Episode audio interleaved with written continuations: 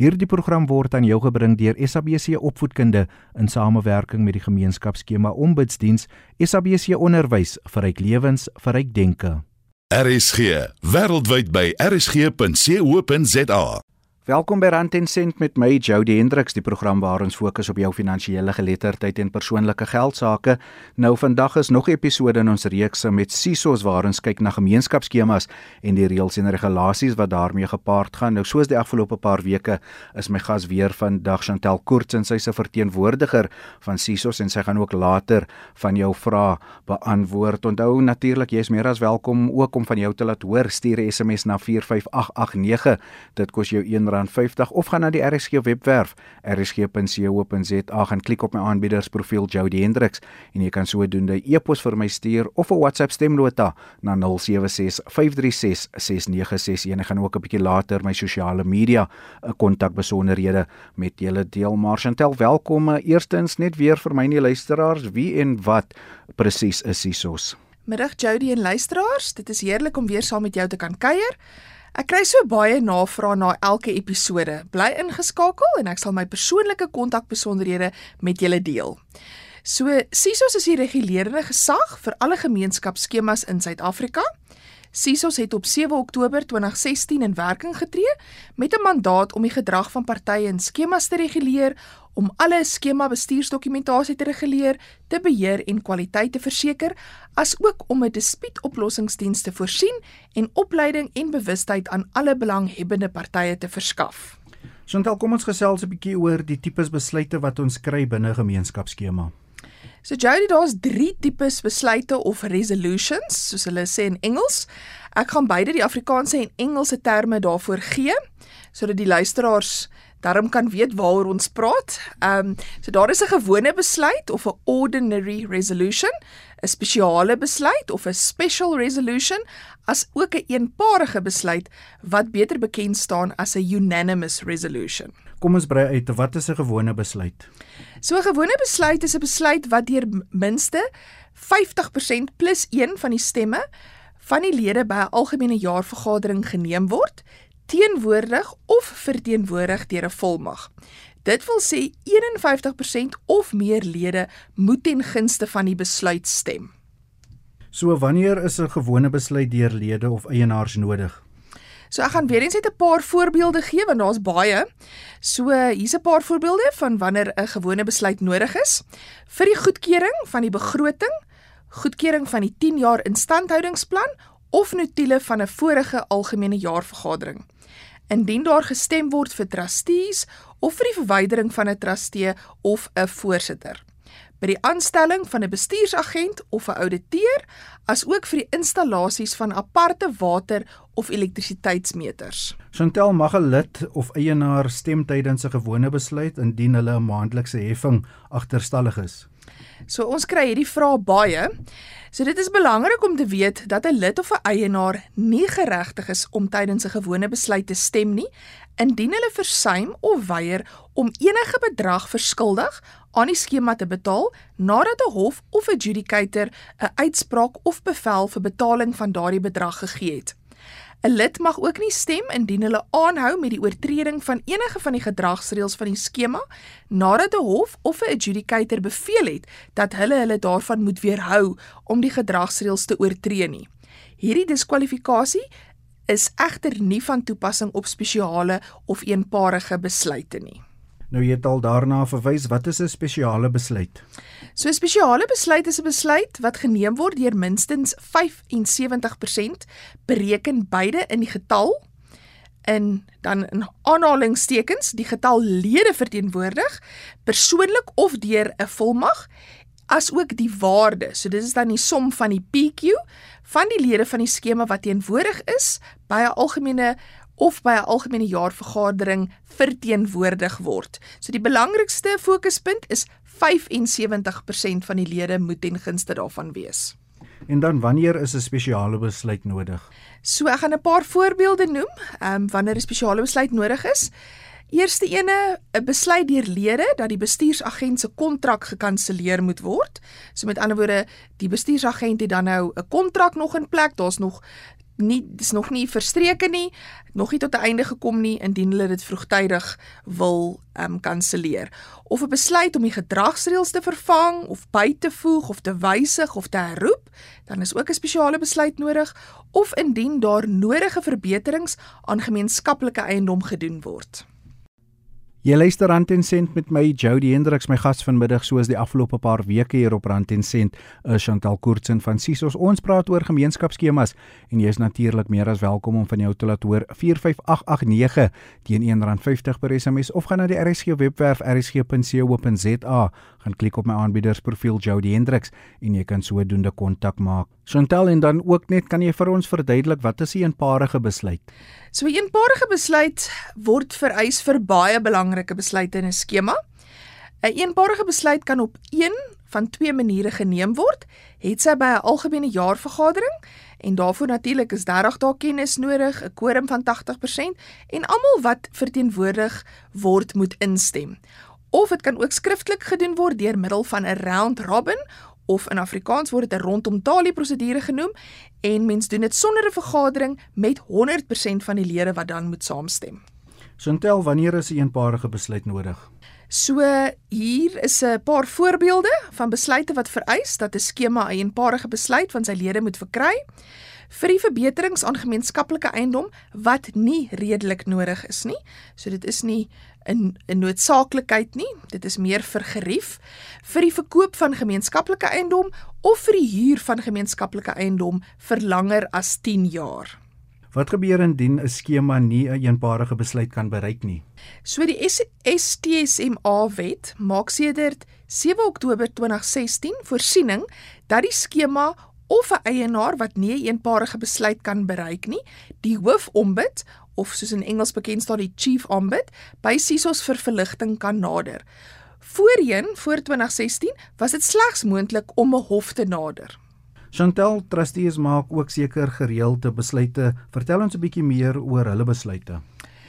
So, trustees is getaak met die daaglikse bestuur van die skema. Dit beteken dat hulle gereeld moet vergader om bestuurskwessies te bespreek en resolusies te neem. Daar is 3 maniere waarop trustees besluite kan neem: by 'n vergadering van trustees met 'n meerderheidsstem, skriftelik deur 'n rondomtalie of 'n besluit deur elektroniese deelname. Trustee besluite word deur 'n meerderheidsstem, een stem per trustee bepaal. Dit verskil van besluite wat by 'n algemene jaarvergadering geneem word, waar stemme geweeg word in terme van die deelnamekwota of die PQ van elke lid se eenheid. Watter tipe besluite neem trustee Chantel? So weer eens gaan ek net 'n paar noem. Ehm um, en hierdie besluite wat ek nou gaan noem is gereserveer alleenlik vir die trustees ehm um, ingevolge die STSMA wet as ook die voorgeskrewe reëls. So die verhoging van die jaarlikse bydrae en verhoging van 'n spesiale bydrae. Trustees kan 'n plaasvervanger ook aanstel as 'n trustee indien 'n ander trustee nie beskikbaar is nie. Trustees kan ook datums vir toekomstige trustee vergaderings bepaal en dan ook tesame daarmee 'n agenda.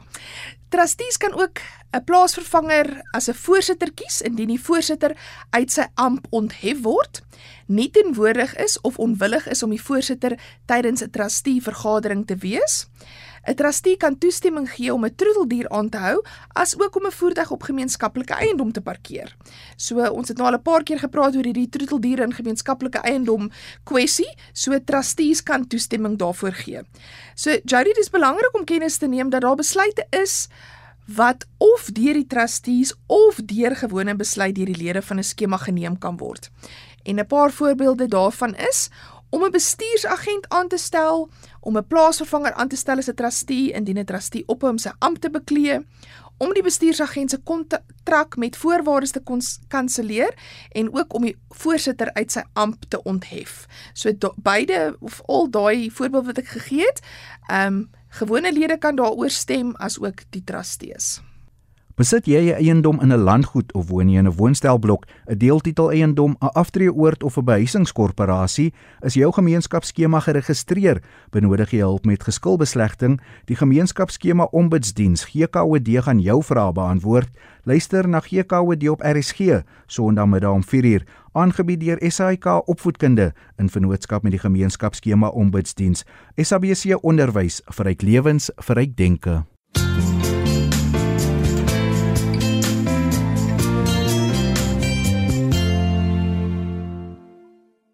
Sontel nou verskeie luisteraars wat kontak gemaak het met my gaan vir jou binnekort vra watter terugvoering jy gekry het maar eh, aanpassings van reëls.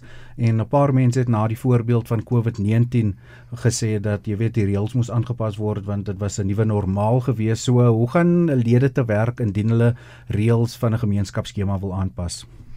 Soos wat ek net nou genoem het is dat dit op 'n algemene jaarvergadering bespreek moet word deur die lede So gewoonlik wat die trustees of die bestuursagent doen, ehm um, hulle stel wysigings voor.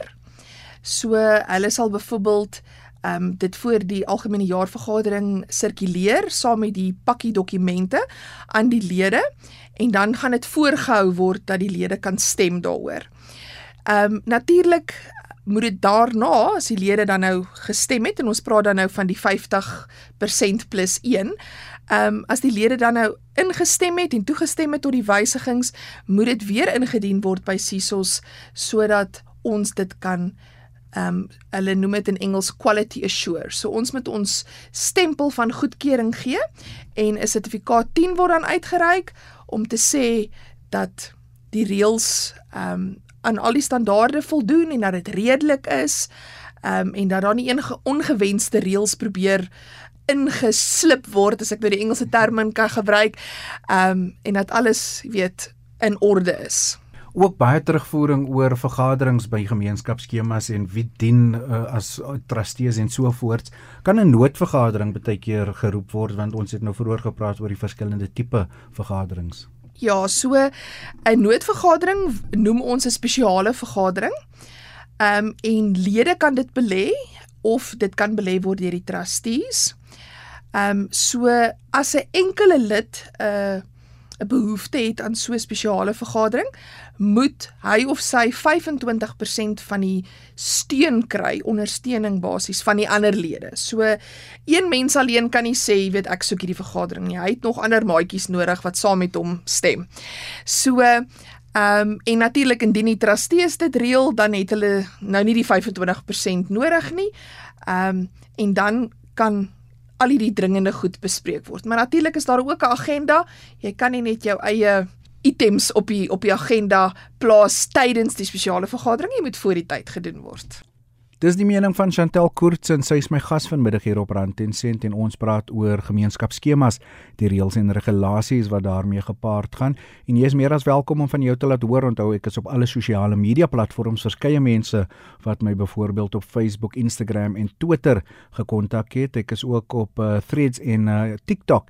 So gaan tik net my naam en Jody Hendriks en jy kan sodoende kontak maak of 'n SMS na 45889. Dit kos jou R1.50. Nou Chantel, verskeie luisteraars wat my gekontak het op uh, spesifiek dan sosiale media na verlede week se voorbeeld wat jy gemaak het oor uh, die lede wat in 'n gemeenskapsskema bly wat gedreig is en baie mense wat wil weet nou wat as 'n dispuut nie opgelos kan word nie. Wat doen SISOS dan? So, ehm um, ek het al voorheen verwys na artikel 39 van die SISOS wet.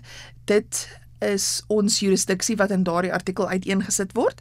So daar's sekere goed wat ons kan doen en sekere goed wat ons nie kan doen nie.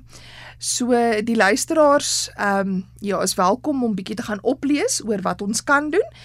Ehm um, tydens die ehm um, hele proses wat ons in die volgende week se episode gaan bespreek, hoe om 'n dispuut te verwys en waaroor dit ons jurisdiksie. Ehm um, luisteraars moet ingeskakel bly. Ehm um, dan sal ek meer uitbrei, maar wat ek nou kan sê is Sisos probeer alles in hulle vermoë om deur konsiliasie die dispuut op te los. So daar is sekere dispute waar waar mense net glad nie met mekaar wil praat nie. Waar hulle nie om 'n tafel kan sit nie. En daardie sake word dan reguit verwys na adjudication toe.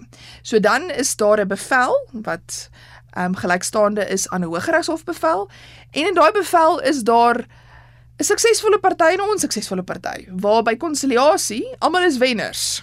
As jy as jy as jy ongelukkig daar wegstap, ehm um, tydens tydens 'n konsiliasie of na konsiliasie, het ons 'n perfekte skikking. Ehm um, want jy moet maar bietjie gee en maar bietjie neem. Maar by adjudication is daar 'n wenner en 'n verloder soos ons dit sê, suksesvol en onsuksesvol party en daar is 'n uitkoms en daai uitkoms is bindend op die partye. So daar is gevalle soos ek sê waar ons nie jurisdiksie het nie, maar dan is daar 'n ander liggaam wat byvoorbeeld jurisdiksie het. So Ehm um, baie kere is daar sake wat by die SAPS moet ehm um, uh jy weet na hulle toe gaan wat by ons uitkom of by die Rental Housing Tribunal of by die PPRA. So daar's baie ander forums of organisasies wat ook jurisdiksie het oor gemeenskapsskemas. Dit is nie net CISOS nie, maar ons jurisdiksie word uiteengesit in artikel 39. Wil jy 'n bietjie uitbrei oor julle samewerking met die ander organisasies? So gewoonlik het ons 'n kontakpersoon, ehm um, waarna ons die die applikant kan verwys. Ehm um, soos by die PPRA of by die Rental Housing Tribunal. So ons help ook partye net op hulle op die regte spoor te sit. Ons sal hulle nie net los ehm um, en sê jy weet jammer jy moet nou op jou eie maar aansukkel nie.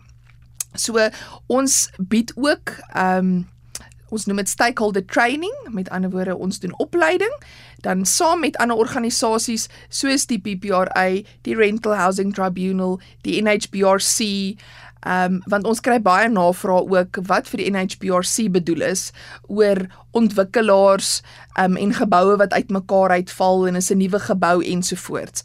En die NHBRC het jurisdiksie oor sekere goed. Hulle het ook 5 jaar tydperke, goed wat binne daai tydperk gebeur, 10 jaar tydperke ensovoorts.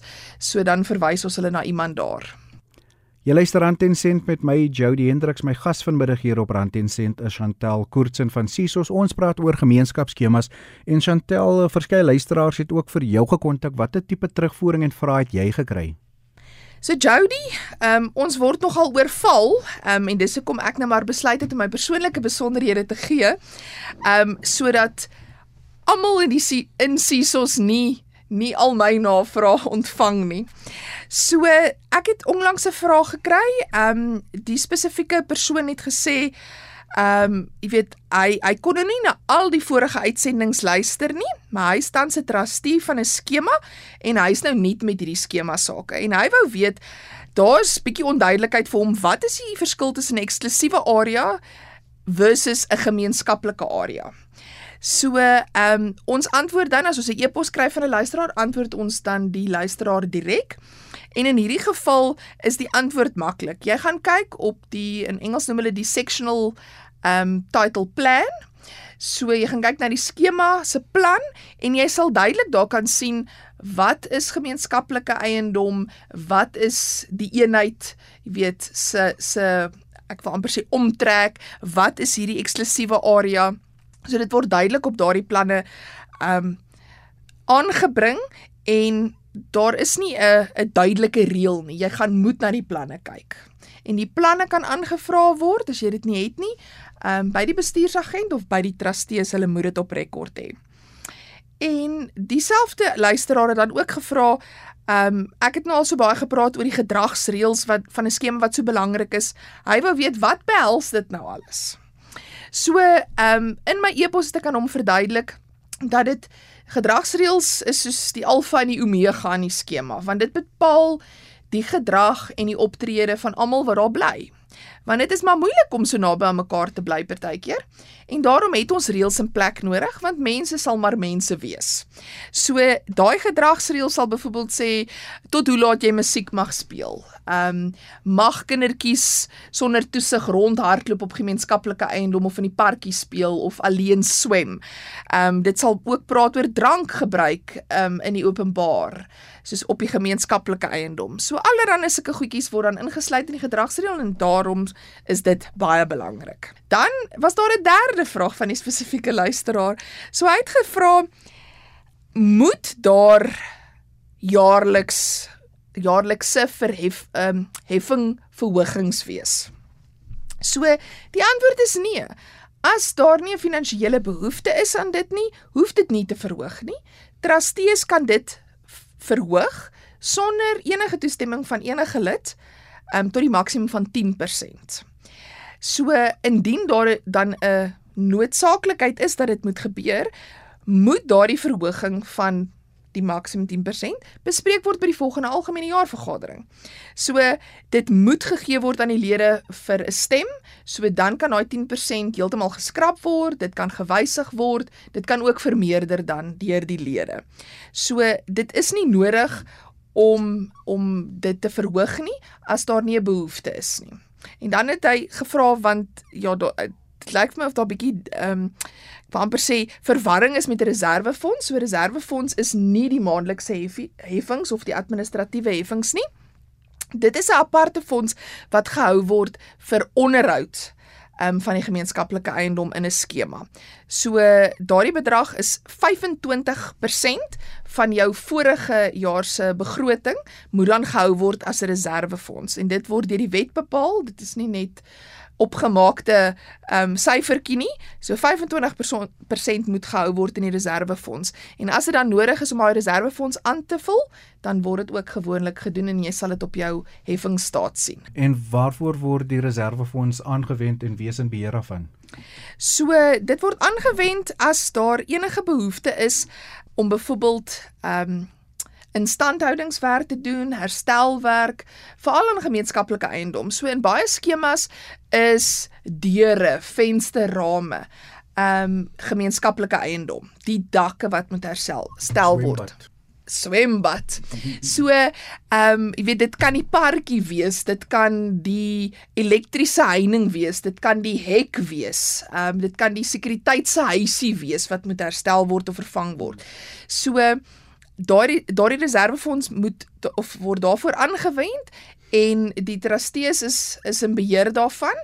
Ehm um, en natuurlik betaal die bestuursagent gewoonlik die rekeninge, maar natuurlik na die trustees goedkeuring gegee het. Maar dis nie vir die trustees se aftreefondsie. Glad nie, hulle kan nie daai fonds gebruik as hulle sakgeld nie. Want dit is nogal baie geld en ek weet dit is nogal dit kan tempting wees.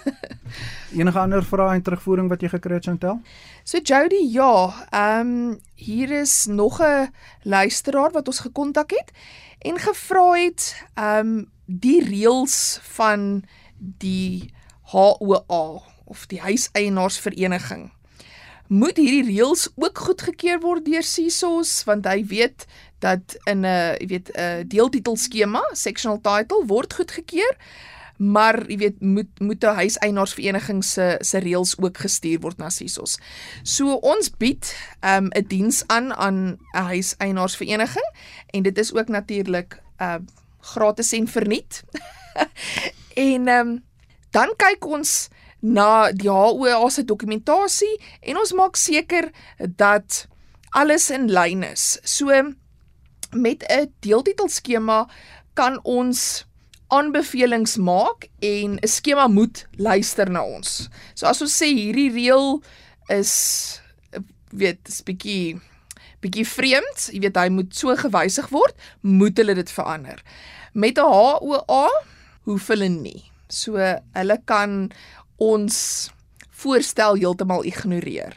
So daar's sekere ehm um, dokumentasie wat dan ook moet gestuur word indien hulle wil hê ons moet kyk na die huiseienaarsvereniging se reëls.